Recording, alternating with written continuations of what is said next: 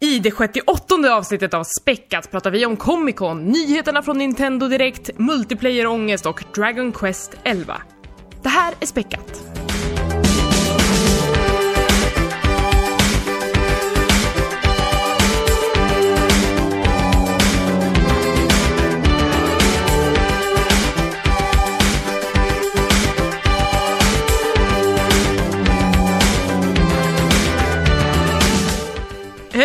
Välkommen till det 68 avsnittet av Späckat. Jag heter Elisabeth och med mig har jag idag Tommy Hej, Fnittrigt här. och Per. Hallå! Hej, vad kul att, att snacka med er två hörni. Eh, det här är en podcast om spel och allt runt omkring och vi ska som vanligt prata om lite av det som har hänt i veckan, hänt i spelvärlden och vad vi har spelat. Men jag tänkte börja med att kolla med er. Hur mår ni? Tommy, hur mår du? Jag mår kanon faktiskt. Jag har haft rätt så... Eller, inte mycket att göra, men jag har haft besök från eh, Frankrike, vilket jag hatar. Inte få Frankrike, men bara få så besök utomlands, vilket betyder att man ska gå ut och peka på stadshuset och titta på en så här... Hatar du Frankrike? Nej, det gör jag inte. Men jag hatar när man får besök från folk från olika länder. Så Från Frankrike. värd, typ så här. Hello, my name is Stefan Löf, and... Men jag har, jag har aldrig fått vara ett, en guide i Stockholm. Jag skulle jättegärna vilja vara det. Det är Åh jättekul. gud att du inte kunde ta över det där, för det, Det är är, jättekul. Vi var så här, åker till Drottningholm, tittar på någonting och de undrar så här, varför är allting från Kina och Frankrike här för? Jag bara, jag har ingen idé, vi måste bara dra härifrån nu. Att, att få internationellt besök är ju precis som ett avsnitt av Allt för Sverige. Man är jätte... Man är så här fånigt stolt. Ja, det är syster Jantelagen and we are... Uh, that means you're not worth anything. ja. Och så står man... You Ah, are nej. trash. Ja, det är jättekul. Jag, jag har ju precis läst den här Hans Rosling-boken eh, och, och så började jag prata om den jättemycket och då sa de He's a pussy och sen eh, var det med You det. take that back! Ja, ja, precis. De var inte alls nöjda av honom. Du bara, vad är det för fel med det?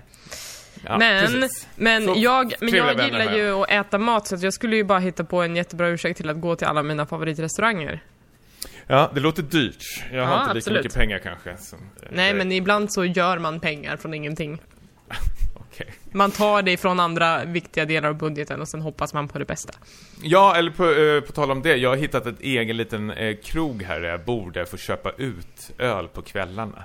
Nej, säg inte vad den heter nu. Nej, det tycker jag verkligen inte. Men vi, vi kallar den för Lilla Berlinbaren. Det var helt otroligt. Vi kom hem klockan tre på natten. Det är lite tänt där. Jag glider in och frågar om jag får köpa med mig fem eh, starkbärs. Självklart, brorsan. Jag, jag, jag, det, det som är så bra med den här historien är att jag inte har ett snutansikte ändå. Att, att liksom Ingen kommer mista dig för en civil eh, kläd. Nej, precis. Jag blir alltid lika glad när folk vill här, sälja eh, crack till mig eller någonting. För då vet jag att jag inte är någon så här. Jag har ingen golar-ansikte eller någonting. Nu blir jag nästan, jag blir nästan avundsjuk. Jag fan hade blivit erbjuden.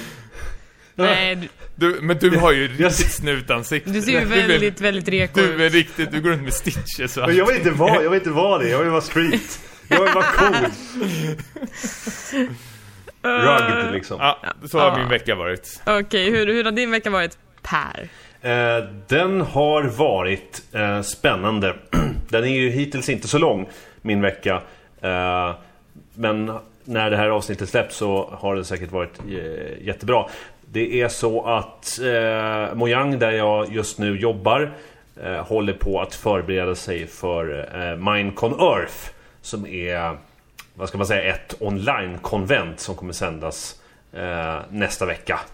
Eh, lördagen den 29 september och det här ska jag åka på. Och Oh, det är i Boston. Så det betyder att jag ska eh, flyga långväga till, till USA och eh, jobba på plats egentligen. Så att eh, det börjar kännas av lite nu. Eh, Det är inte så långt kvar. men vad är skillnaden på ett Minecon och ett Minecon Earth? Det är en jättebra fråga. Eh, van, det, det första är ett fysiskt konvent. Där eh, det finns besökare och montrar och allting sånt där.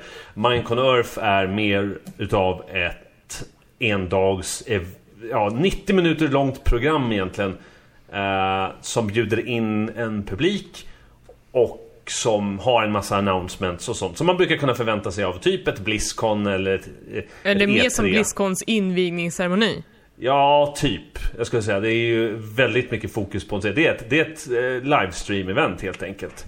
Eh, med, eh, med lokala besökare som får komma Okej. in på. Så det är liksom För två år sedan så tog, tog vi initiativ att eh, Minecon skulle, skulle pausas till att bli det här evenemanget egentligen.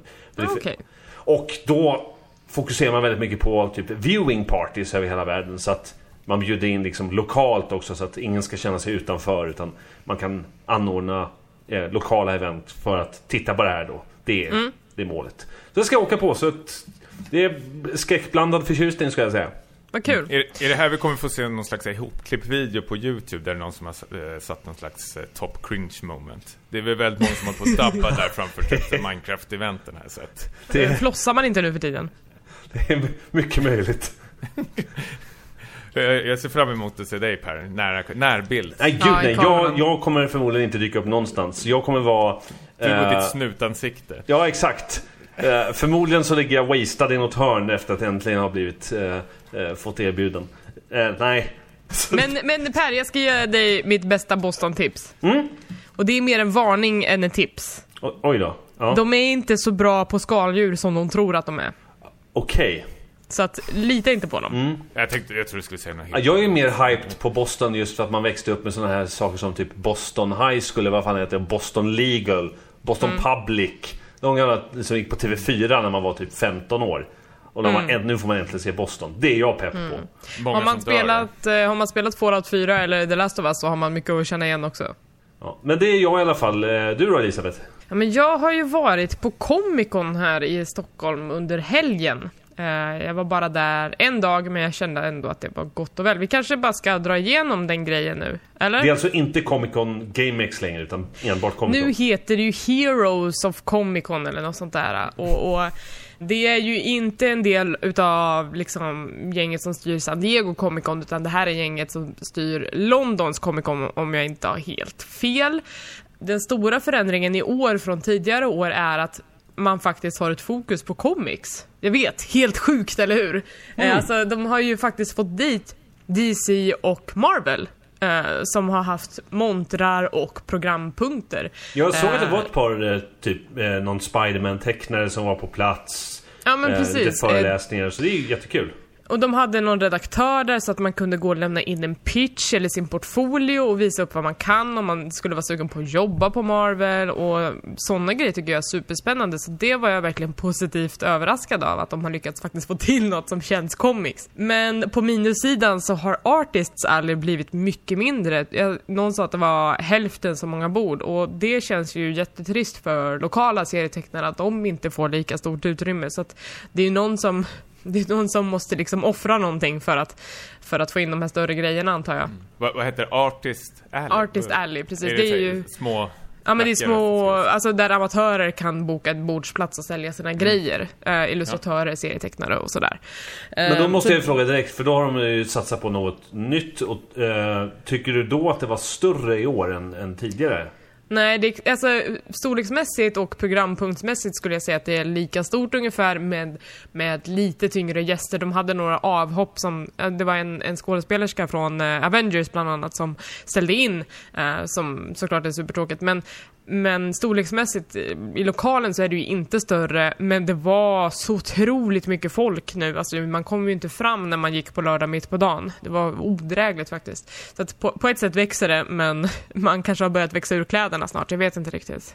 De har ju försökt att vara i Friends eh, arena ett år och det var inte heller jättebra så att jag vet inte vad det finns för någon slags mellanlokal de skulle kunna hålla sig i eh, om de nu satsar på att bli lite större. Men i alla fall, jag har ju testat lite nya spel när jag var där för att eh, det är ju en massa spelföretag eh, på plats. Nintendo är där, eh, Ubisoft är där, Activision, Warner Brothers, Xbox och så vidare. Har montrar, visar upp nya och kommande spel. Och där var det faktiskt ett helt gäng som inte fanns ute än. De hade ju också typ såhär eh, Shadow of the Tomb Raider som släpptes samma helg och Spider-Man och sådana där grejer som ändå är jättefärska. Men eh, några nya titlar. Jag är väldigt pepp på det här med Nintendo. Jag fick testa Super Smash Brothers, en match fick jag köra. Och Okej, hur Åh. känns det då? Det är väldigt svårt att säga Det efter beror en väl match. på vilka karaktärer det är. Jo, Alltså, det är första otroligt frågan. Herregud, okej jag ska sluta ställa dumma frågor. Hur, var det kul då när du Ja men alltså jag, jag, jag körde två vändor. Jag körde en runda med Inkling-karaktären som är ny för i år. Den var ju superspännande eftersom den har sin eh, inkmätare att hålla koll på. Eh, den kan ta slut och måste laddas om. Eh, sen så i min andra match så körde jag Ice Climbers för att det är ju de jag har saknat mest ifrån Super Smash Bros. Melee. Och sen så var det slut och sen fick jag inte spela mer och sen var det kö och då orkade jag inte stå en gång till liksom. Men sa inte du då, vet, ni, vet du inte vem jag är? Jag hade ju presspasset, det var ingen, som, det var ingen som brydde sig om mitt Presspass. jävla presspass. För, först går du in Alla gick som, ut med pressbuster. först går du in som Elisabeth på Späckat och sen Elisabeth på P3. Ja, de skiter i vilket alltså.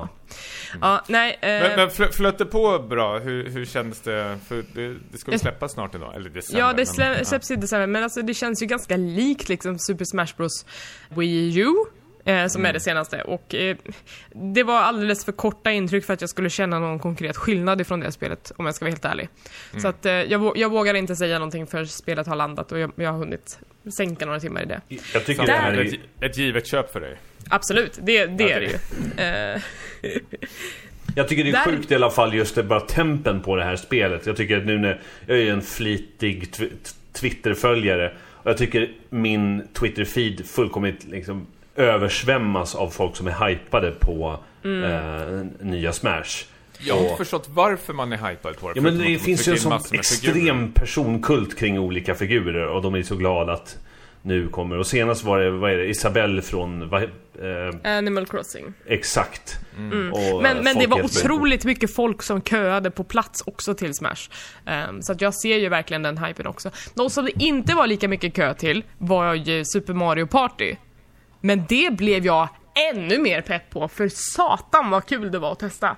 Det är jag skitpeppad på. det De kommer snart i hade, oktober. de hade en demo där man då fick spela fem av de här 80 minispelen som kommer i nya Super Mario Party. Och eh, man använder joyconsen, deras rumble-funktion och deras gyrofunktion på ett så jävla smart och tillgängligt sätt så att de här minispelen är så enkla så att jag skulle kunna sätta min morsa eh, framför det och hon skulle fatta ungefär vad hon skulle göra och kunna göra det också. Och det var helt fantastiskt faktiskt då att känna på det, den spelmekaniken. Det är som att Super Mario Party är det spelet som One Two Switch önskade att det var när det kom liksom. Ehm, så att det, det känns verkligen superstabilt och som ett väldigt starkt höstsläpp, eh, tycker jag. Det här är ju ett givet eh, köp för mig. Vi har en tradition, jag och mina vänner, sedan Mario Party 3, att vi köper ett Mario Party-spel Mm. och så dynger vi ner oss rejält och sen pratar vi inte mer om det förrän nästa spel släpps. Det, det, vi, vi spelar sönder på en kväll. The first rule of. Mario Party. Don't We party don't speak. Ja, ja, Nej men det, det är hur kul som helst om man blandar in lite eh, sprit och alkohol. Eh, det är per. kul utan det också Tony. Jag lovar att det blir roligare. Ja, men alla Tro kanske mig. inte vill dricka alkohol. Nej men jag pratar ju om mig själv, jag Ja, resten. okej. Jag ställer mig här i, i hörnet. Ja, men eh, sen så provade jag lite andra spel också. Jag kände lite på Assassin's Creed Odyssey. Det kändes precis som gamla Assassin's Creed, eh, Origins alltså. Och sen så bra. testade jag The Division 2. Det kändes precis som eh, gamla The Division. Eh, det är väl bra. Ja, precis. Det är såhär, inga konstigheter, eh, men inte heller några överraskningar. Eh, och sen så kände jag lite på Metro Exodus, men jag fick en så jävla dålig station med en trasig handkontroll så att jag eh, eh, fick inte riktigt någon känsla för det. Men det ser jäkligt bra ut. Det var absolut snyggaste spelet på hela Comic Con av de jag testade. Eh, så det var vad jag gjorde där. Men utöver det, alltså vi kan ju lika gärna gå in på det då att eh, Nintendo hade en presentation en Nintendo Direkt där de visade upp några av de eh, kommande nyheterna i höst. Så då var ju, de visade ju lite ifrån Smash, de visade lite ifrån Super Mario Party, de eh, visade också detaljer från Pokémon Let's Go och Yoshis nya spel, Yoshis Crafted World, men vi hade ju också några lite, lite nyare grejer som vi kanske inte hade lika mycket koll på. Och eh, den största av de grejerna är ju eh, Animal Crossing är tillbaka. Är ni Animal Crossing-knarkare? Nej, det är Nej, inte heller. Men min fru, är- hon vart ju otroligt glad över den här nyheten. Mm. Så hon ser fram emot. Jag spelar bara det här till GameCube eh, när det kom ut för jättelänge sedan. Sen har inte jag rört någon Animal Crossing. Så jag är ju... Nej. Men det här Jag har ju känts lite förväntat egentligen att folk har gått och hoppats på det här väldigt länge. Det känns nu mer som att Nintendo-fans alltid får vad de går och hoppas på. Men det som är så sjukt, när jag såg den här eh, Nintendo Directen så kändes det så här. eh, Det här känns så otroligt rätt för Switch. Alltså inte bara Ja. Animal Crossing, utan liksom alla spelen. Men vad känns inte rätt för Switch numera? Ja, men det känns det, som att... men det, det, här är, det här är jättekonstigt för liksom det är liksom gamla spel som de utannonserade. New, Smash, eh, New Super Mario Bros U Deluxe. Som jag var så här. Jag hade ett Wii U, jag rörde inte det New Smash Bros. Och sen nu när det kommer till Switch, jag är så här, åh, det här vill jag ha. Det här, det här det tror jag är skitkul. Samma sak känner jag också med Katamari. Också så Mm, här, just det, en remaster av Katamari. Jag missade ju det. Jag kommer ju jättegärna vilja spela det på Switch.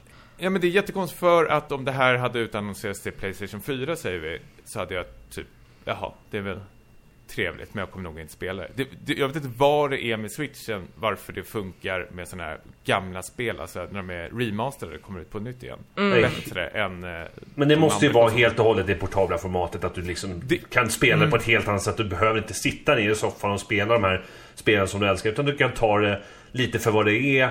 Eh, jag kan pröva, pröva lite grann på bussen, se om det var... eh, den nostalgiska biten, eller de gamla spelen som man tycker om, gör sig mycket bättre i portabelt format nu. Än att man dedikerat sätter sig ner i soffan och ska återuppleva gamla minnen eller någonting. Ja, jag tror att man eh, romantiserar väldigt mycket om det där, att man tar med sig eh, switchen. För jag gör ju typ aldrig, jag tar med mig den till sängen och tycker det är supermysigt att ligga i sängen och spela innan man går och lägger sig. Som en bok eller vad som helst. Men jag skulle aldrig liksom sätta mig på tunnelbanan, jag har gjort det några gånger och känner att jag vet inte, jag, jag, kan, jag, kan inte spela, jag kan inte njuta lika mycket då. Det har jag äl- börjat däremot göra. Ja, jag älskar däremot tanken att det finns däremot. Så när jag, tänkte, när jag sitter och ser det här New Super Mario Bros. 20, det, det första jag tänkte var så här, men det här är jättebra, kan jag ta med mig till jobbet och sitta och spela där? Det kommer jag aldrig göra. Men liksom, det, det var det första jag tänkte på. Men Tommy, då vill är jag säga att precis så är jag. För att p- på mitt jobb så har jag kollegor som äger Switch och de säger alltid på, både eh, inför stundande fredag. Ja, nej men jag har, eh, jag har Dead. Vill du att jag tar med mig konsolen på, på fredag så kan du prova? Absolut, säger jag då. Sen samma sak. Jag har ju börjat eh, behöver någonting, någon förstörelse på eh, tåget hem, vilket är en typ eh, 40 minuter resa med, ja först tåg sen buss.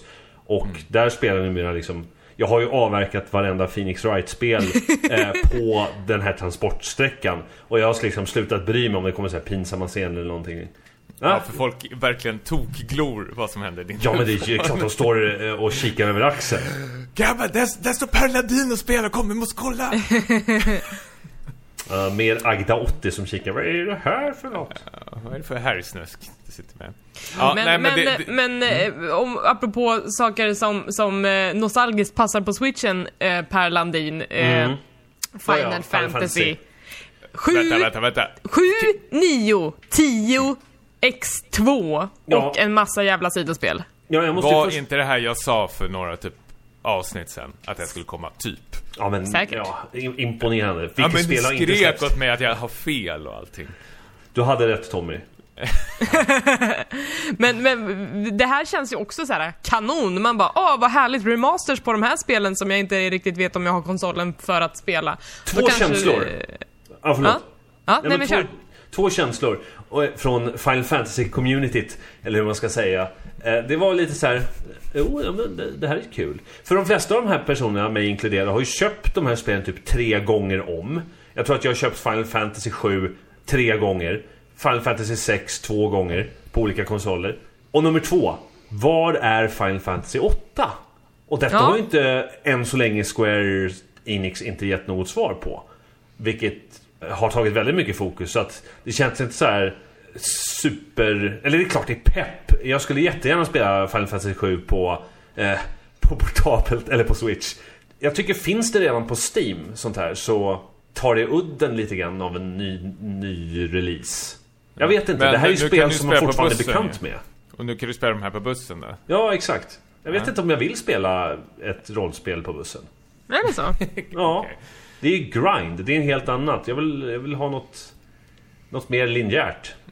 Okej. Jag tänker med, jag Per som har redan kammat igenom de här spelen, hur är det med dig då Elisabeth? Som Jo men det, i det, är som jag, det är som jag säger, att så här, ah, spel som jag borde ha spelat.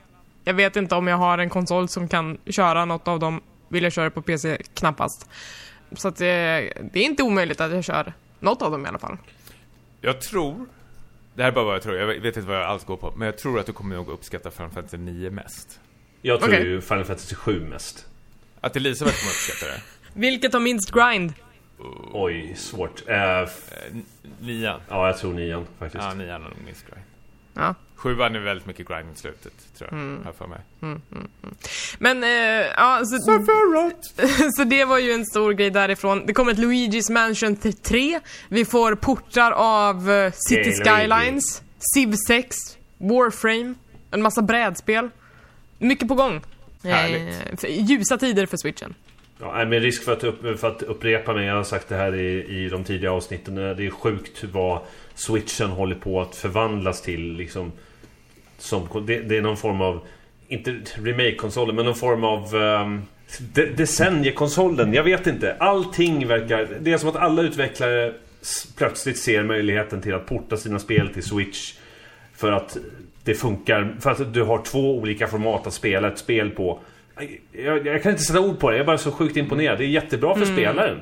Bara. Det här är ju jätteintressant också vad, hur det här kommer påverka eh, spelbranschen i, för, spelbranschen, men eh, framtida konsoler. Eh, tänker jag närmast på Microsoft och Sony, om de kommer apa efter eller om de kommer köra sina vanliga eh, hemkonsoler. Just det. Spännande. Eh, men eh, någonting vi också kan eh, snudda vid apropå Nintendo är ju att den här veckan i onsdags när det här avsnittet kommer ut så rullar de ut sin online-tjänst och det kan ju bara vara bra att hålla koll på att ni som spelar online-spel som Mario Kart och Splatoon så kommer ni inte kunna göra det gratis längre utan nu gäller det att öppna plånboken och skaffa en prenumeration precis som med alla andra konsoler.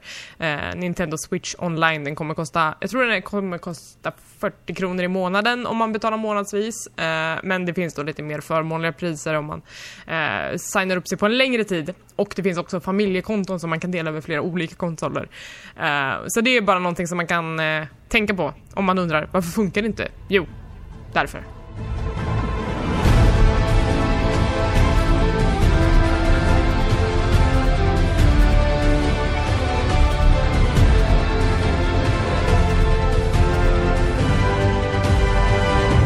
Hörrni? Jag har fått ett återfall. Vad har hänt? Jag börjar spela Overwatch igen. Nej! Och avinstallera igen. Kom, kom det fram en langare till dig och tyckte att så här, Öh grabben, ska du ha lite Overwatch? Nej, men jag, jag, jag, fick peppen igen och började spela. Jag älskar Overwatch jättemycket. Men det, det är någonting som jag har tänkt på de senaste åren. Vi har pratat om det lite här också kanske. Toxic community och bla bla bla bla bla. Men jag har känt att, och det här gäller inte bara Overwatch. Utan det är någon, nu försöker jag typ så här eh, hitta någon schysst vinkel här. Men vissa spel, multiplayer-spel, är, har de för otydliga spelregler, tycker ni? För att det ska funka. I alla fall när det handlar om liksom så här, när man spelar i grupper. Jag känner att senaste tiden nu när jag spelar Overwatch och försöker spela competitive, det känns som typ halva laget jag spelar med förstår inte vad den här group up-funktionen är för någonting. Okej, Hänger du med vad jag menar? Mm, Knappt, för, för, för det första jag tänkte på var att du kanske menade det här med metaspel, liksom att sådana grejer som inte är explicit utskrivna i spelet som det är bra att ha x antal tanks, DPS healers, alltså sådana Mm. grejer är mer underförstått i communityt men det står ju inte i spelet interface någonstans liksom att så här ska det vara. Nej, alltså det, det jag kanske grämer mig mest över är att det, Overwatch är ju ett eh, 6 mot 6 eh, spelarspel. Du, du har ett lag på sex personer, möter sex andra. Och har liksom, hur många heroes har vi nu? Kanske 30 styckna.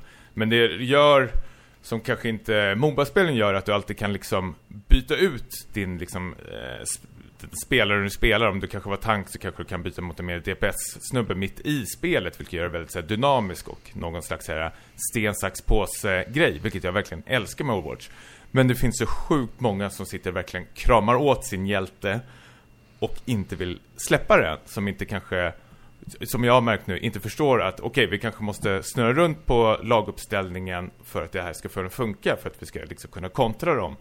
Och så finns det den här personen också. Jag går in själv medan ni eh, står och respawnar. Som kanske är Lucio och så är det en mot sex eller liknande, så dör man på direkten. Det är ju det jag brukar kalla för ett single player adventure. Ja, och jag tycker det är så synd för jag tycker Overwatch har väldigt mycket och det här gäller väldigt mycket andra multiplayer-spel också. Men jag tror, jag vet inte vad det är med dagens liksom competitive spel, många utav dem känns som, alltså när man spelar dem helt vanligt, när man tittar på dem på Twitch, när man tittar på professionella så flyter det på hur bra som helst. Men när man själv sitter och spelar så känns det som att alla spelar på sina egna regler. Det är liksom som jag skulle liksom dra ut och spela fotboll och så är det någon som kommer med liksom en hockeyklubba och säger så här. Jag, jag, jag använder den här så länge, är det okej okay, eller? Alltså, det är lugnt men du kanske ska prova utan klubba också. Nej, som, det tänker jag inte. Som Blizzard-spelare så tycker jag att jag kan relatera till, till det du säger. Jag har ju flitigt spelat uh, competitive i Heroes of the Storm. Uh, mm. Som då är uh, fem spelare mot fem spelare. Och där slås jag dagligen av frustrationen av att eh, mina medspelare kanske inte förstår liksom receptet till, till framgång. Alltid är det de andras fel. Ja, fast här vill jag precis säga. Men liksom, jag känner igen mig. I, jag vill ju komma till det också. I min värld så har jag en föreställning om vad som leder till framgång. Eh, sen finns det ju grundläggande koncept av så som typ rotationer. Jag vet, rotationer finns säkert i, i eh, Overwatch också. Men jag, jag skulle säga att Blizzards spel tenderar väldigt mycket att dra av varandras synergier. En spelare kan inte stå på egna ben utan du måste ha, i det här fallet, ja du måste ha en support, du måste ha en, en tank och du måste ha DPS. Eh, och, och, hitta någon form av balans. Jämför vi till exempel med CS så har du förvisso roller och, och synergi även där. Men du har ju betydligt större verktyg för att shina själv, hur man ska säga. Precis, verkligen. För jag spelade väldigt mycket innan, alltså de första spelen jag spelade på internet väldigt mycket var ju Unreal Tournament och då spelade man väldigt mycket Team Deathmatch. Och då var ju, visst man var ju beroende av laget på, eh, på, den punkten att om någon i sitt lag gjorde en kill så fick man ett poäng. Men jag sprang ju runt själv och gjorde mitt egna uppdrag. Men så går det inte i liksom dagens, eller de flesta liksom. Rock, Rocket League tänker jag också kompetitivt som du spelar med folk. Jag tror inte heller de har, där har du också samma verktyg. I, i mindre skala förvisso. Men mm. alltså, jag tror det är långt ifrån alla spel som, som tampas med de här problem, eller problematiken som ja, men just Overwatch eller Heroes of the Storm har. Uh, ja, ja. ja. Mm. Äh, men ett annat problem också är ju att folk är otroligt dömande eh, av vad andra väljer för hjälte på direkten utan att man ens har liksom hunnit visa upp vad man kan göra med att utnyttja den här hjälten. Alltså han så är väl typ en av de mest kändaste att folk typ avskyr honom. Och jag vet inte hur många competitive matcher jag varit i och någon väljer Hanso som sin första pick och alla börjar liksom gnälla på direkten och jag är så här, men vad fan, det här kan ju vara en hur grym spelare som helst som är skitduktig på Hanso. Vi vet inte, vi måste ge det här ett försök. Och då får man ge det ett försök kanske de första minuten eller två minuterna. Om det inte funkar, då får liksom alla i laget kanske rotera runt lite sina hjältar. Men det är ju väldigt mycket liksom kramande på sin egen hjälte bara för man har spelat den liksom i hundra timmar eller något. Jag kan ju tycka det är problematiskt i den att folk är totalt eh, de, de är inte villiga till samarbete. Den här personen kanske i fråga väljer Hanso och inte villig att göra förändringar. Vilket kan leda till att någon, någon får anpassa sig. Jag i HOTS hamnar ju ofta så när jag spelar ja, men typ randomköar, eh, ranked. Så måste jag, då, då kanske jag är sista picken och då är det någon som har valt jättekonstigt och så får inte jag spela vad jag vill. Och slutar med att jag hamnar på en riktigt dålig position för att någon annan liksom var helt omedgörlig det har ju hänt att vissa köer till och med Säger att man är kvar för sista picken Och så behövs verkligen en tank Och så bara nej jag ska inte spela tank Jag ska spela Hanzo mm. Och då är ju matchen redan där förstörd Så jag tror att många baserar liksom Det, det kommer ju från tidigare erfarenhet Och då kanske det blir mm. Det blir roligt om det är en bra Hanzo-spelare Man blir överraskad Ja men då får man poängtera det ja. Och vara den större personen jag vet inte, jag tycker det är svårt. Jag, jag, har inte, jag ser inte alls här med någon lösning hur de ska göra eller någonting. Men jag tror att det kanske är det jag sitter och irriterar mig som mest på just nu på dagens, de flesta eh, competitive-spel, när jag spelar själv, singel. Alltså när det kommer till Rocket League, det spelar jag otroligt mycket. Men då har jag två kompisar som jag sitter och spelar med och då är det ett snack där som går hela tiden. Mm. Men om man spelar med random människor så jag känner inte dem, de känner inte mig. Det är liksom man ska det är ju sånt här äh, meet and greet för första gången. Hej, hej, hur mår ni? Vad, vad ska ni välja? Det är alltid samma samtal varje gång i början. Mm. Men så är det någon som är helt tyst och säger nej, jag ska välja här. Så, mm. Men det är väl det att de här spelen ställer ju, speciellt Overwatch, så ställer ju krav på att man ska spela som ett lag och speciellt om man vill liksom göra bra ifrån sig, om man är ute efter något slags resultat. Och då eh, tror jag att det är väldigt eh, jag vet inte, det är väldigt skonande för en själv att liksom ha ett, ett stabilt gäng som man spelar med.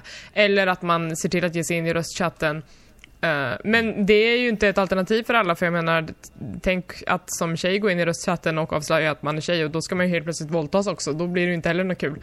Självklart. Men, Röstchatten men, tycker jag man kan skippa. Den, den, nej men den är ju kritisk för vissa liksom, att man ska kunna göra call-outs och kunna berätta liksom och göra shot calling. Alltså, det, det behövs ju om man ska kunna göra ett bra jobb tillsammans. Uh, men Fast jag, tänker också att, ändå, mm. Men jag tycker Förlåt. också att, att i, traditionellt sett i sådana här competitive spel är det ju att, att det brukar stabilisera sig ju högre upp i rankerna man kommer därför att folk är mer förstående över vad som uh, leder till ett bra resultat. Alltså spelar du ner dig i kanske brons, silver, guld, då kommer du få liksom alla idioter också uh, som inte behöver ta hänsyn till andra människor för att hamna där i den ligan. Men kommer du upp i de högre ligorna, då måste du hamna med folk som tar hänsyn. Därför att de vet att du kommer inte någonstans om du inte tar hänsyn till ditt lag.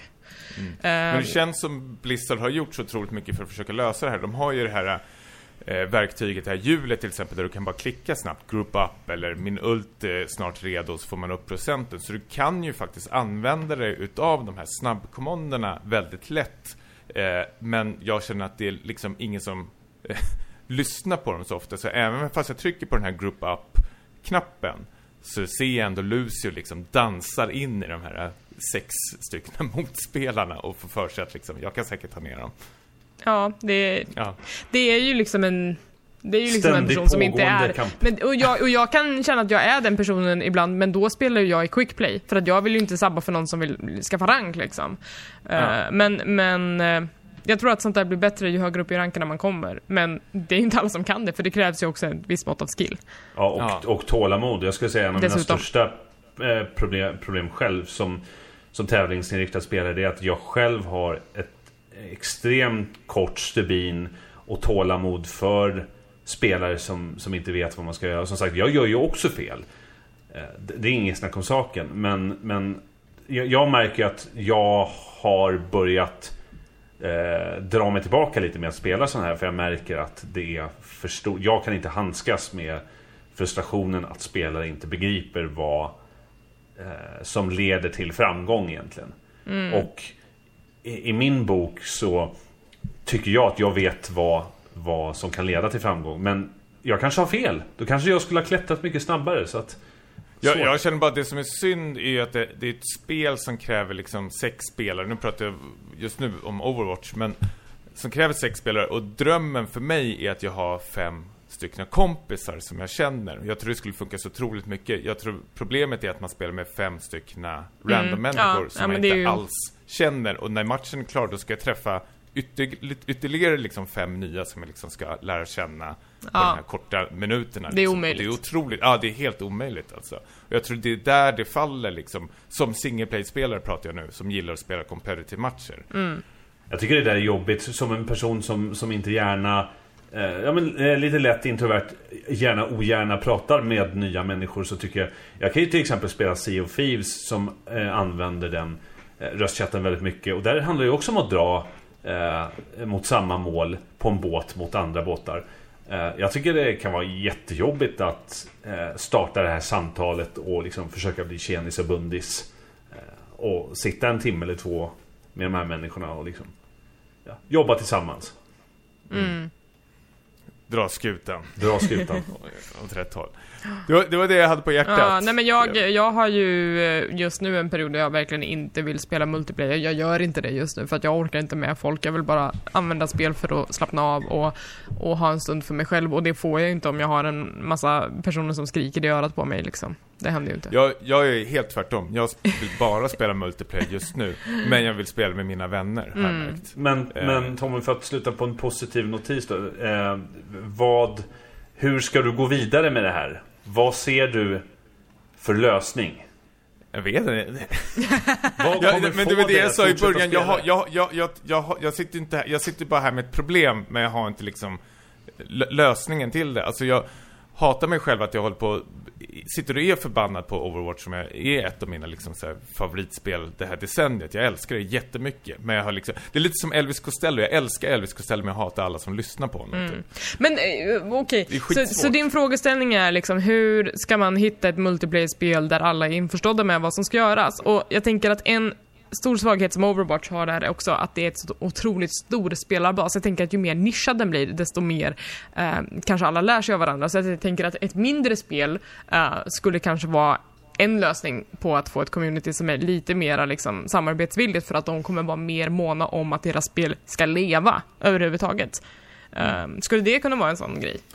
Ja, eller att liksom reglerna kanske måste vara lite tydliga hur man kommer fram till framgång. Jag vet inte alls hur de ska liksom demonstrera det på Overwatch, men återigen Rocket League är ju, eller som alla är uppväxta, vare sig man vill eller inte, med fotboll. Det finns ju fan överallt, så fattar man ju på direkten att okej, det kanske är bra att ha en bil. Men då pratar vi ju om den fundamentala spelnivån. Då kan ju inte ett, eh, ett tutorial i världen hjälpa ett, ett spel med, med eh, bristfälliga fundament. Man kanske ska straffa de här spelarna. Blizzard åker hem till dem och säger tyvärr, du får, du får inte spela det här spelet längre. Men det finns ju också en, en rapportfunktion i competitive där du kan rapportera någon för att den inte är samarbetsvillig och förstör förlaget.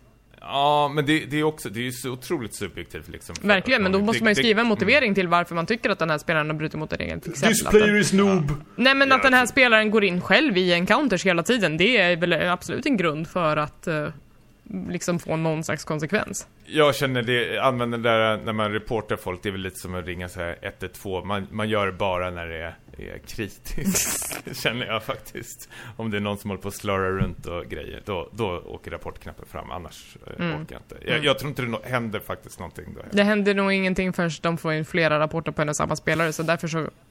Ibland så är det viktigt att rapportera också. Jo, men då, då är det ju extremfall, Mm. eh, som till exempel den här spelaren som skulle spela Hans och, och komma längst ner i rankingen Mm. hela tiden. Som bara trollar. Eh, Mm. Sådana har jag inte varit med om. Nej. Här handlar det mer om folk som sitter och dagdrömmer och spelar samtidigt kanske. Precis. Och de kanske, det, det här är ju också, de, det kanske är jätteunga eller äldre, fan vet jag, kanske folk som inte alls är erfarna alls eh, utav tv-spel som bara ska spela för första gången och så eh, åker de på mig. Mm. Men om, om någon av lyssnarna känner sig träffad, stay out of... på? Nej, stay out of competitive. Spela quick. Klokt. Approaching the drop zone.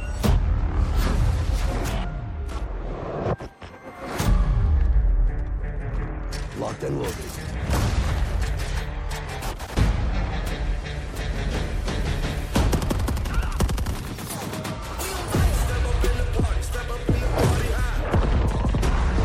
Good to go.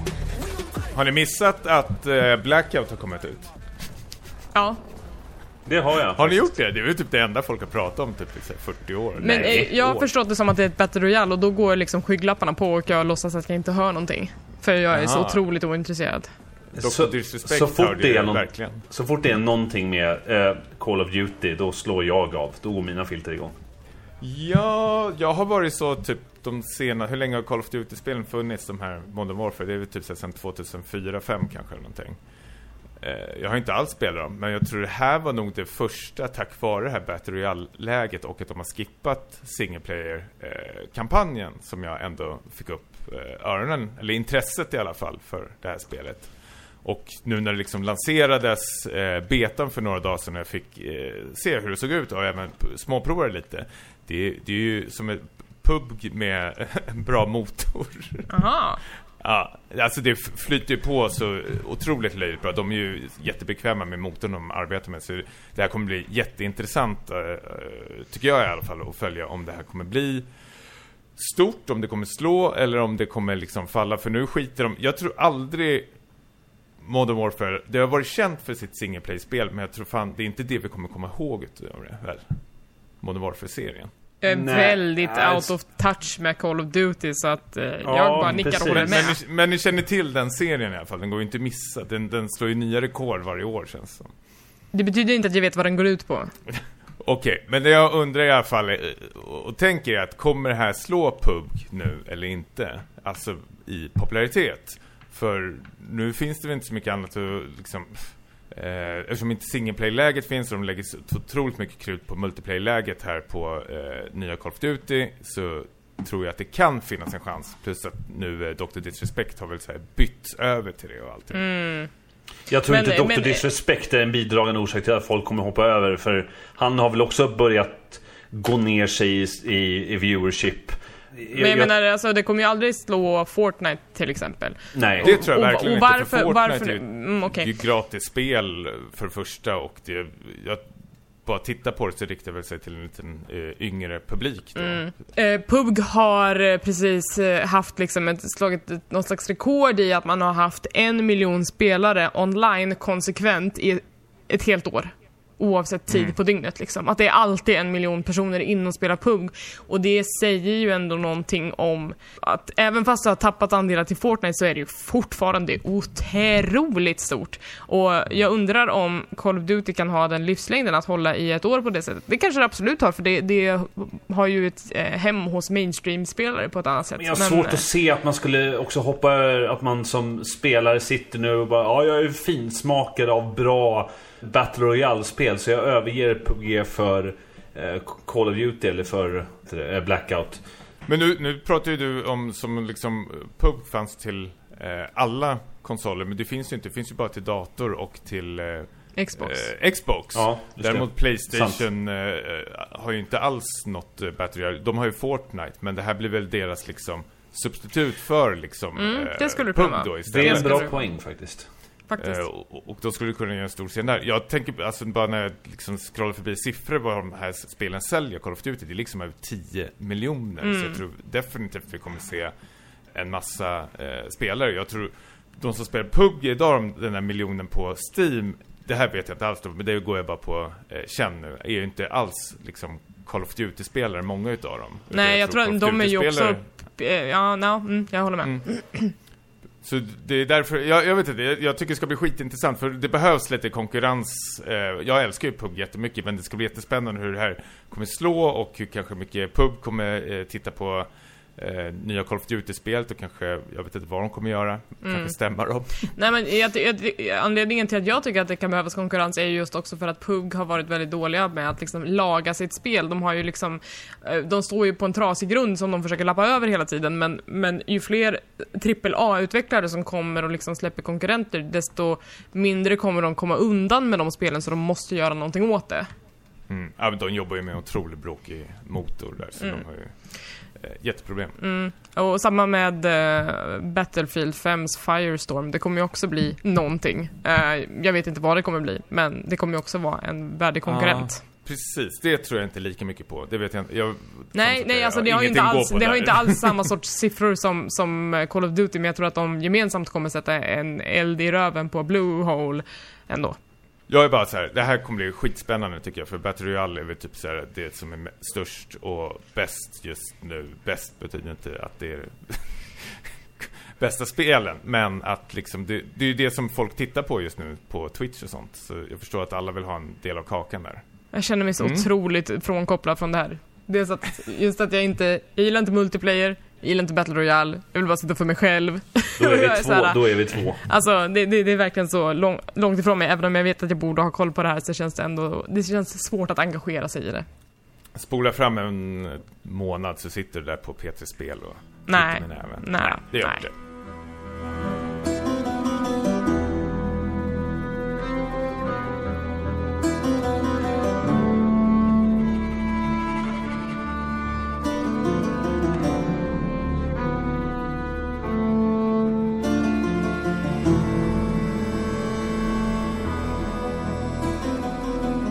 Hörni, ska vi prata lite om vad vi har spelat för någonting? Har ni spelat? Gud vad jobbigt. Jag har spelat jättemycket, men det är så här mycket små sporadiska grejer. Men Per, du har ju kört lite mer WoW och Ja, det gud, har ju ja. kommit en, det har kommit en raid, eller hur? Ja, nu har de ju efter mycket om och men, eller äntligen släppt Uldir som är den första raiden i Battle for Azeroth. Vad är det för någonting? Ja, det, det är... jag- Jag ska inte säga att det är svårt att förklara, men det, är, det beror lite på vilken fraktion du spelar. Eh, För Hård är Uldir väldigt mycket tydligare vad det är. Medan Alliance väldigt tvetydigt vad det är. Den, den här expansionen berör ju lite lätt konceptet av eh, gamla gudar. Eh, World of Warcraft har ju sin egen version av H.P. Lovecraft-gudar som har legat och slumrat eh, på... The Old Gods. Ja, som har legat och slumrat på Azeroth i, i tiotu- eller hundratusentals år. Och det antyds väl att Ensoth är en av de gamla gudar som kommer dyka upp i den här expansionen. Och den första raiden spelar då på det här gamla gudtemat. Mycket med också The Pantheon som är typ de som skapade universum. Kan man säga. Titanerna som eh, ja, i, i grund och botten typ har skapat Azeroth. Det har visat sig att Azeroth själv är en, en gammal titan. Det, det, är väldigt, det här är väldigt komplicerade grejer att Oj. förklara. Jag fattar ingenting.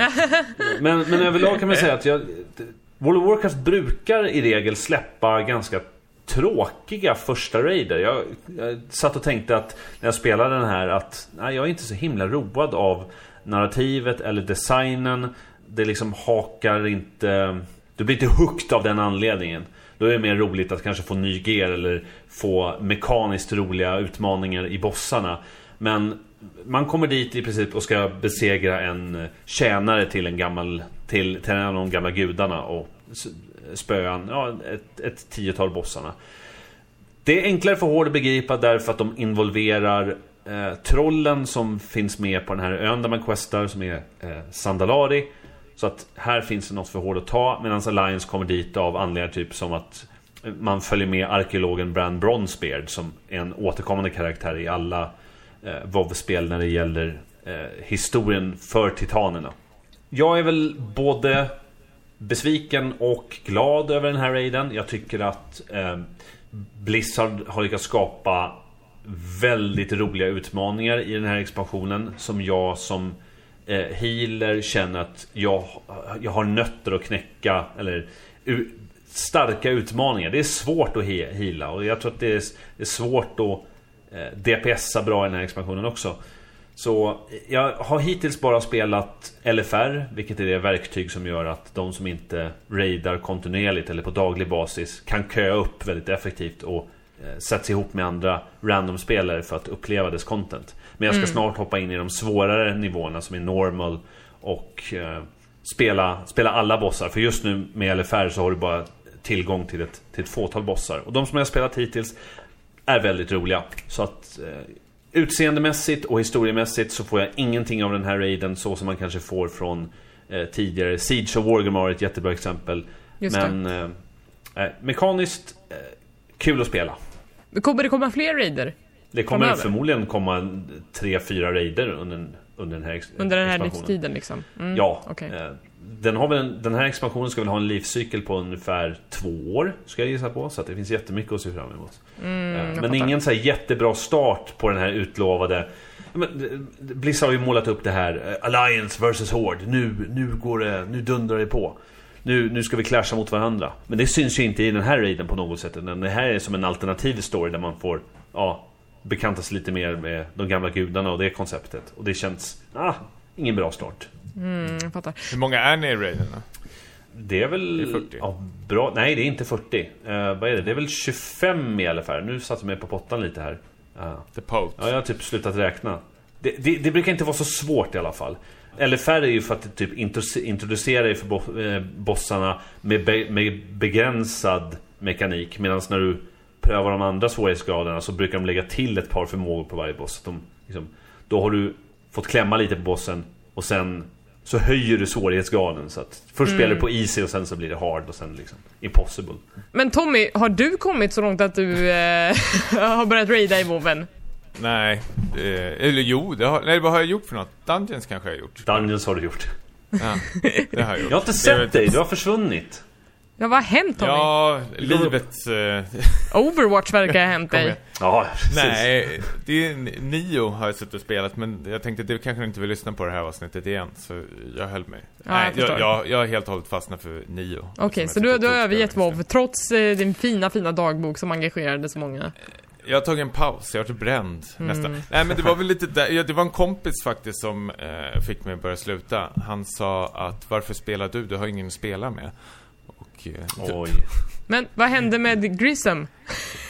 Jag, jag blev ju så upptagen av, av eh, nya expansionen så att jag kunde inte... Han såg jag aldrig nu. Nej, Du hade, inte, du hade inte tid att hjälpa en pleb liksom. Nej, precis. Jag skäms. Nej, eh, så, så jag vet. Jag tror WoW är väl som bäst, och det har jag också när jag eh, pratar med mina kompisar som spelar fast mycket högre nivå då, då att de sitter ju och spelar tillsammans, så att det låter ju mycket roligare. Men jag har ju typ så här, jag, de har ju sagt hela tiden så här, men snabbdinga upp till 100 då. Eh, Nej, jag ska ta min egen takt. Okej. här, okej, suit yourself. Jag förstår. Ja. Ha, tråkigt. Nej, det, det är helt okej. Okej.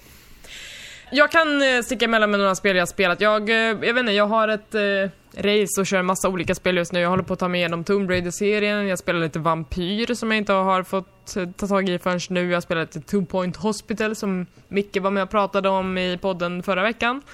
Alltså alla de är typ så här superkompetenta spel och, och nu så jag vet inte, jag, jag är inte så här hetsig med att spela typ Spider-Man och så nya heta spel utan nu spelar jag sånt som jag har lust med att spela och det känns jättebra. Som man ska spela. Ja, alltså Vampyr är ju ett sånt spel som jag sneglar på hur länge som helst och eh, verkligen har velat spela. Jag bara, men varför gör jag inte det? Varför spelar jag massa tråkiga spel istället för att spela det jag vill spela? Eh, så då satte jag igång det och det, alltså jag tycker verkligen att det är kanon i sin campiga vampyrdramatik. Eh, det, det är också någonting i dialogen i det spelet som gör mig så otroligt sömnig. Så att jag brukar spela det typ innan jag ska gå och lägga mig för då vet jag att jag är så här äh, riktigt mör och jätte, jättetrött och kommer somna som en stock så fort jag lägger huvudet på kudden. Så att det är något härligt sövande i det spelet. Eh, på ett bra sätt alltså. Eh, men idag så spelade jag ett spel på streamen som heter eh, Strange Brigade som är ett upp till fyra spelar co-op. Eh, som utspelar sig liksom på The Roaring 30s, 30-talet och man är en grupp äventyrare som åker till Egypten och ska försöka eh, gå i fotspåren efter något eh, uråldrigt eh, spöke efter någon drottning där. Alltså, ja, eh, väldigt eh, putslustigt. Det har en liten narrator som, som, som kommenterar allting som gruppen tar sig för. Och, eh, tänk er som att det är lite som typ ett Vermintide fast mindre fokus på fiender och mer fokus på att lösa miljöbaserade pussel. Det är som, ett, som en blandning mellan så här, tänk Vermintide, Indiana Jones och Uncharted. Någonstans i det gränslandet rör sig det spelet. När du Ehm. nämnde Vermintide blev jag genast väldigt intresserad. Ja men det, det är ju lite mer simpelt och inte lika liksom väldigt hårt straffande som Vermintide ändå är. Men, men ändå så här, vi körde ju kanske nu i två och en halv, tre timmar och hade superkul liksom. Och just pusselaspekten lägger till en dimension som jag tycker om väldigt mycket och som jag kanske känner att jag saknar lite grann i Vermintide. Att det är så otroligt fokus på att ånga fram och bara slakta. Men här får man också tänka lite grann och utforska lite grann. Sånt som jag tycker om i, i de single player-spelen som jag spelar liksom. Så att eh, det var, en, det var en angenäm överraskning det spelet. Det är ganska nytt också. Ja, så det, det är liksom så här, eh, bra mellanspel, en palettrensare som man kan köra med, med kompisar. Får leta upp eh, vodden där du spelar helt enkelt. För... Gör inte det. Eh, Vi, vi, vi, det är mycket tjuvnyp mot varandra. Vi snor varandras loot och grejer i den. Ja men det är så man ska spela Jag har gjort, jag har gjort det grejer jag inte är stolt över under den här streamen, men ja. Mm. Det, det, det, det, det är mysigt ändå. Ja, ni hittar Eh. den på Twitch, TV. Precis. Eh, men Tommy, du har ju spelat ett ganska stort släpp som jag tänker ändå går under radarn på många för att det är så nischat i sin JRPG-genre. Eh, Jaha, nu- ja, samtidigt så sålde det två miljoner i Japan. Jo men alltså just Japan så är det ju svinstort och det är alltså Dragon Quest 11 vi, vi pratar om. Men den serien verkar ju vara så otroligt stor i Japan på ett sätt som vi i väst kanske inte ens kan greppa. Precis. Eh, det här är ju ett jättegammal eh, spelserie som Enix eh, släppte till en början. Jag tror det hette så Dragon Warrior eller någonting i Europa, om jag har helt fel. Per. När du säger Dragon Warrior, då börjar jag tänka på det här... Eh, vad heter det?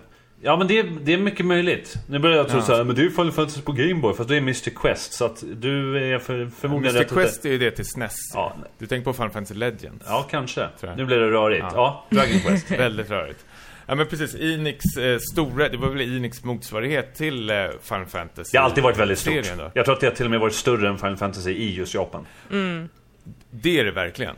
Verkligen, verkligen. Men sen slog de ihop sig både Squaresoft och Enix vart de ju Square Enix. Och den här serien har ju liksom tuttat på, men jag tror liksom vår första liksom stora release vi fick av den här serien var liksom Dragon Quest 8 som släpptes till eh, Playstation 2.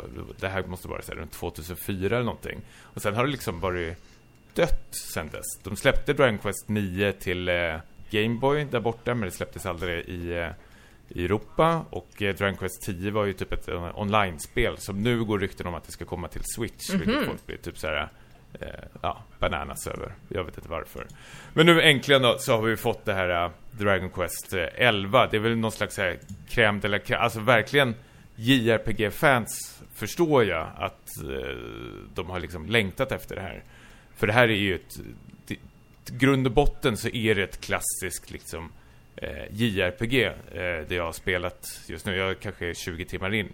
Allting. Jag har ju spelat Dragon Quest 8 och det är liksom det, det, är, det är det gamla vanliga trygga, bara att det är liksom upphottad eh, grafik och de har liksom ändrat kanske lite battlesystemet. Innan i Dragon Quest-serien har ju alltid varit det här first person liknande, eh, om du förstår vad jag menar. Man ser fienderna bara framför sig så har man liksom den här menyn liksom attack, spring, item. Okej. Ut, man ser aldrig sina egna karaktärer.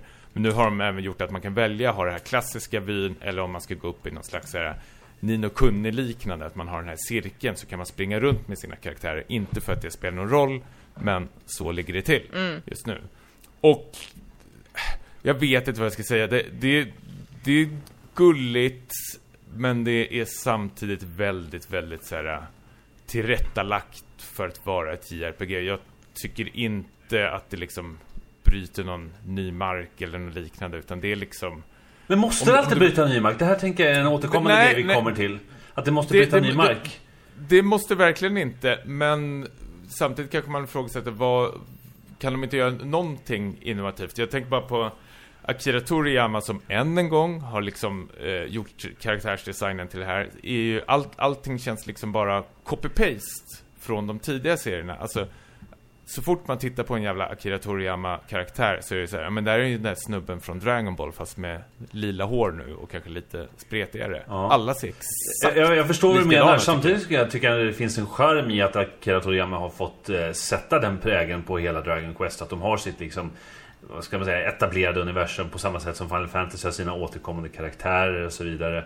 Så har ju, det, det, är ju det ehm, Dragon, Dragon Quest grej och eh, ett bra vin är ju alltid ett bra vin. eh, tänker jag. Ett vin måste ju inte innovera. Det kan ju vara liksom bra för det det är.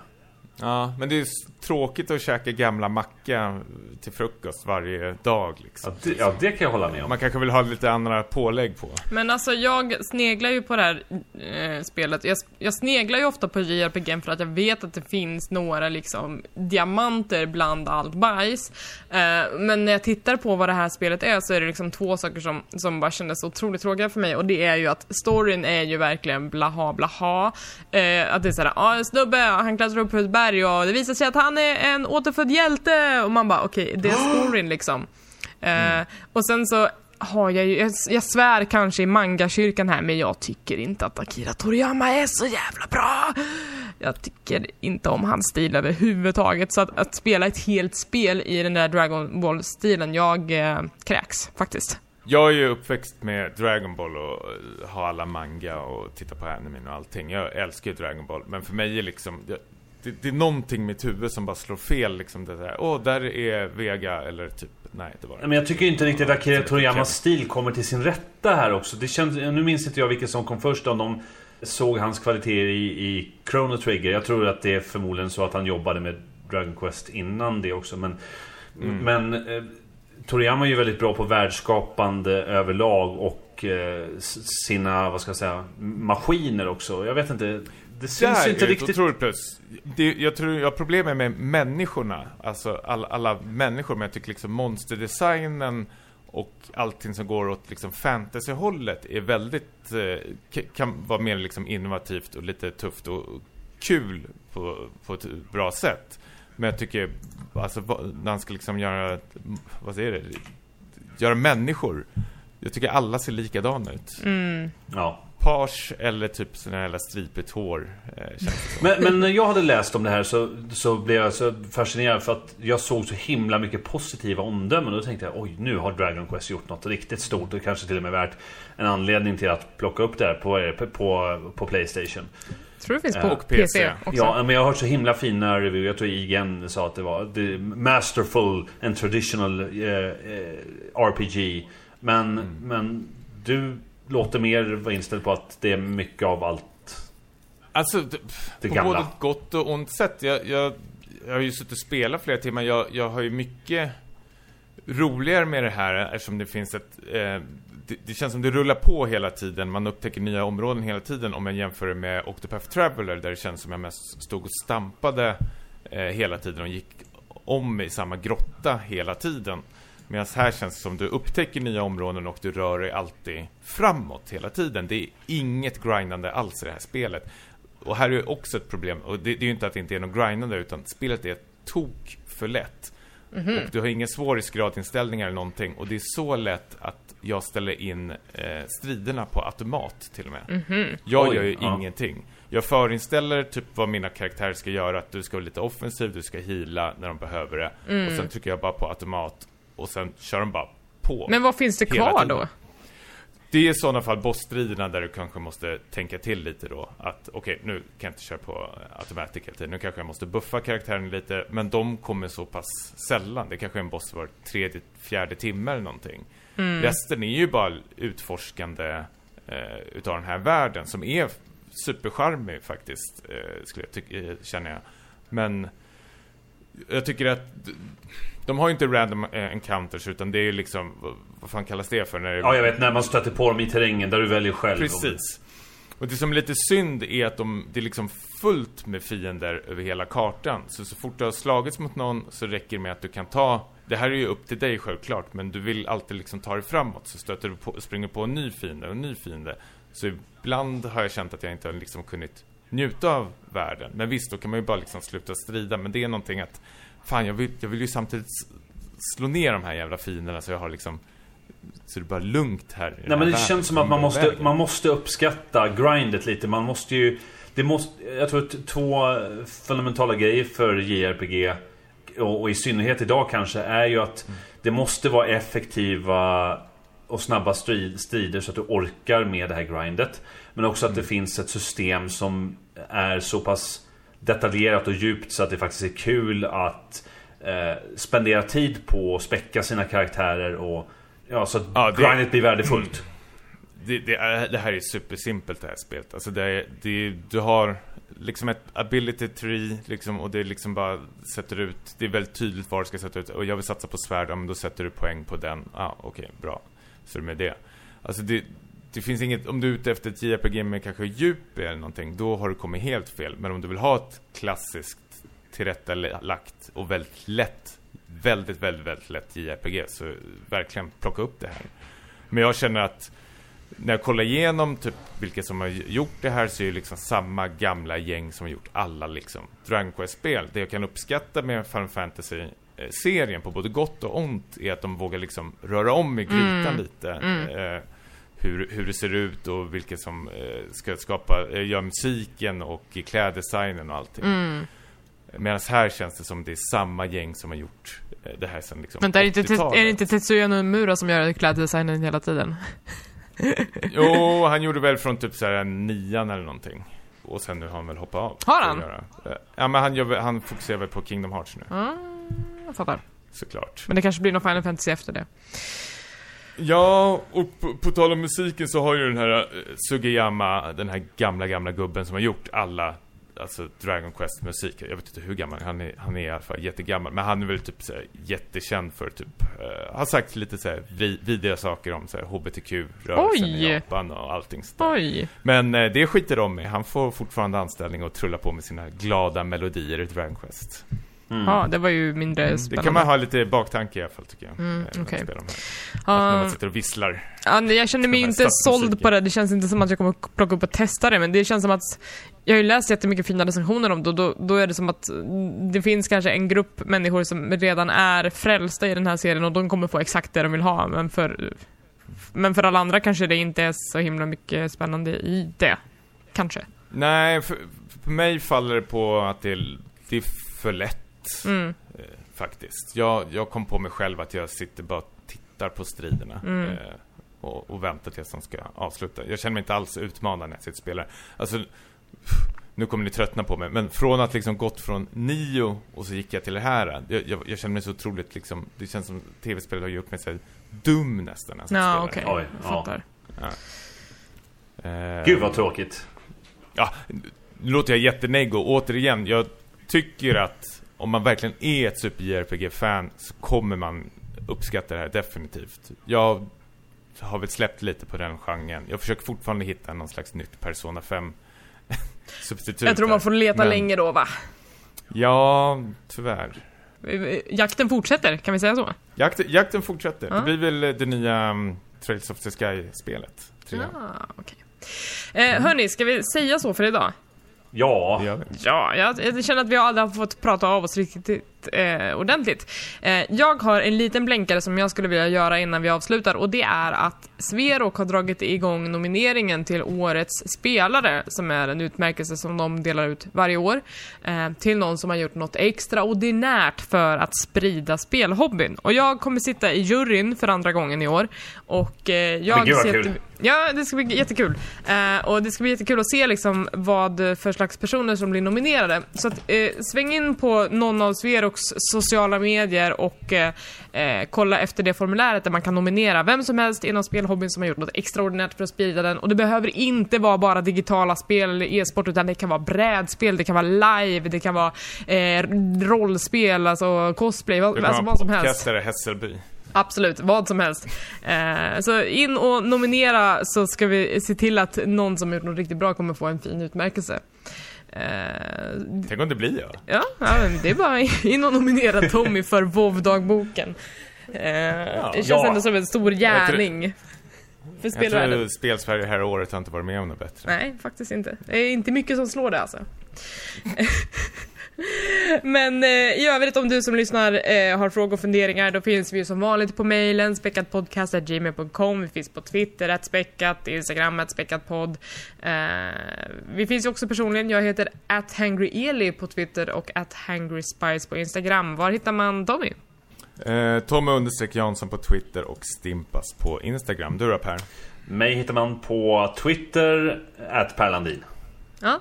Och eh, sen så, om ni gillar oss eller har feedback till oss eller vad som helst så kan man gärna lämna en stjärna eller fem på iTunes och skriva vad man tycker för det hjälper oss dels att nå ut till fler lyssnare och det hjälper oss också att bli bättre helt enkelt. Det är så kul att höra vad folk säger också. Det är alltid så tacksamt att Ja. få en kommentar. Veta att ni finns där ute. Ja, absolut.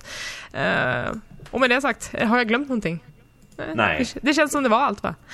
Då får vi önska er en eh, fortsatt trevlig dag, trevlig kväll, trevlig helg och eh, stort tack för att ni har lyssnat. Ha det bra. Hej! Hej då!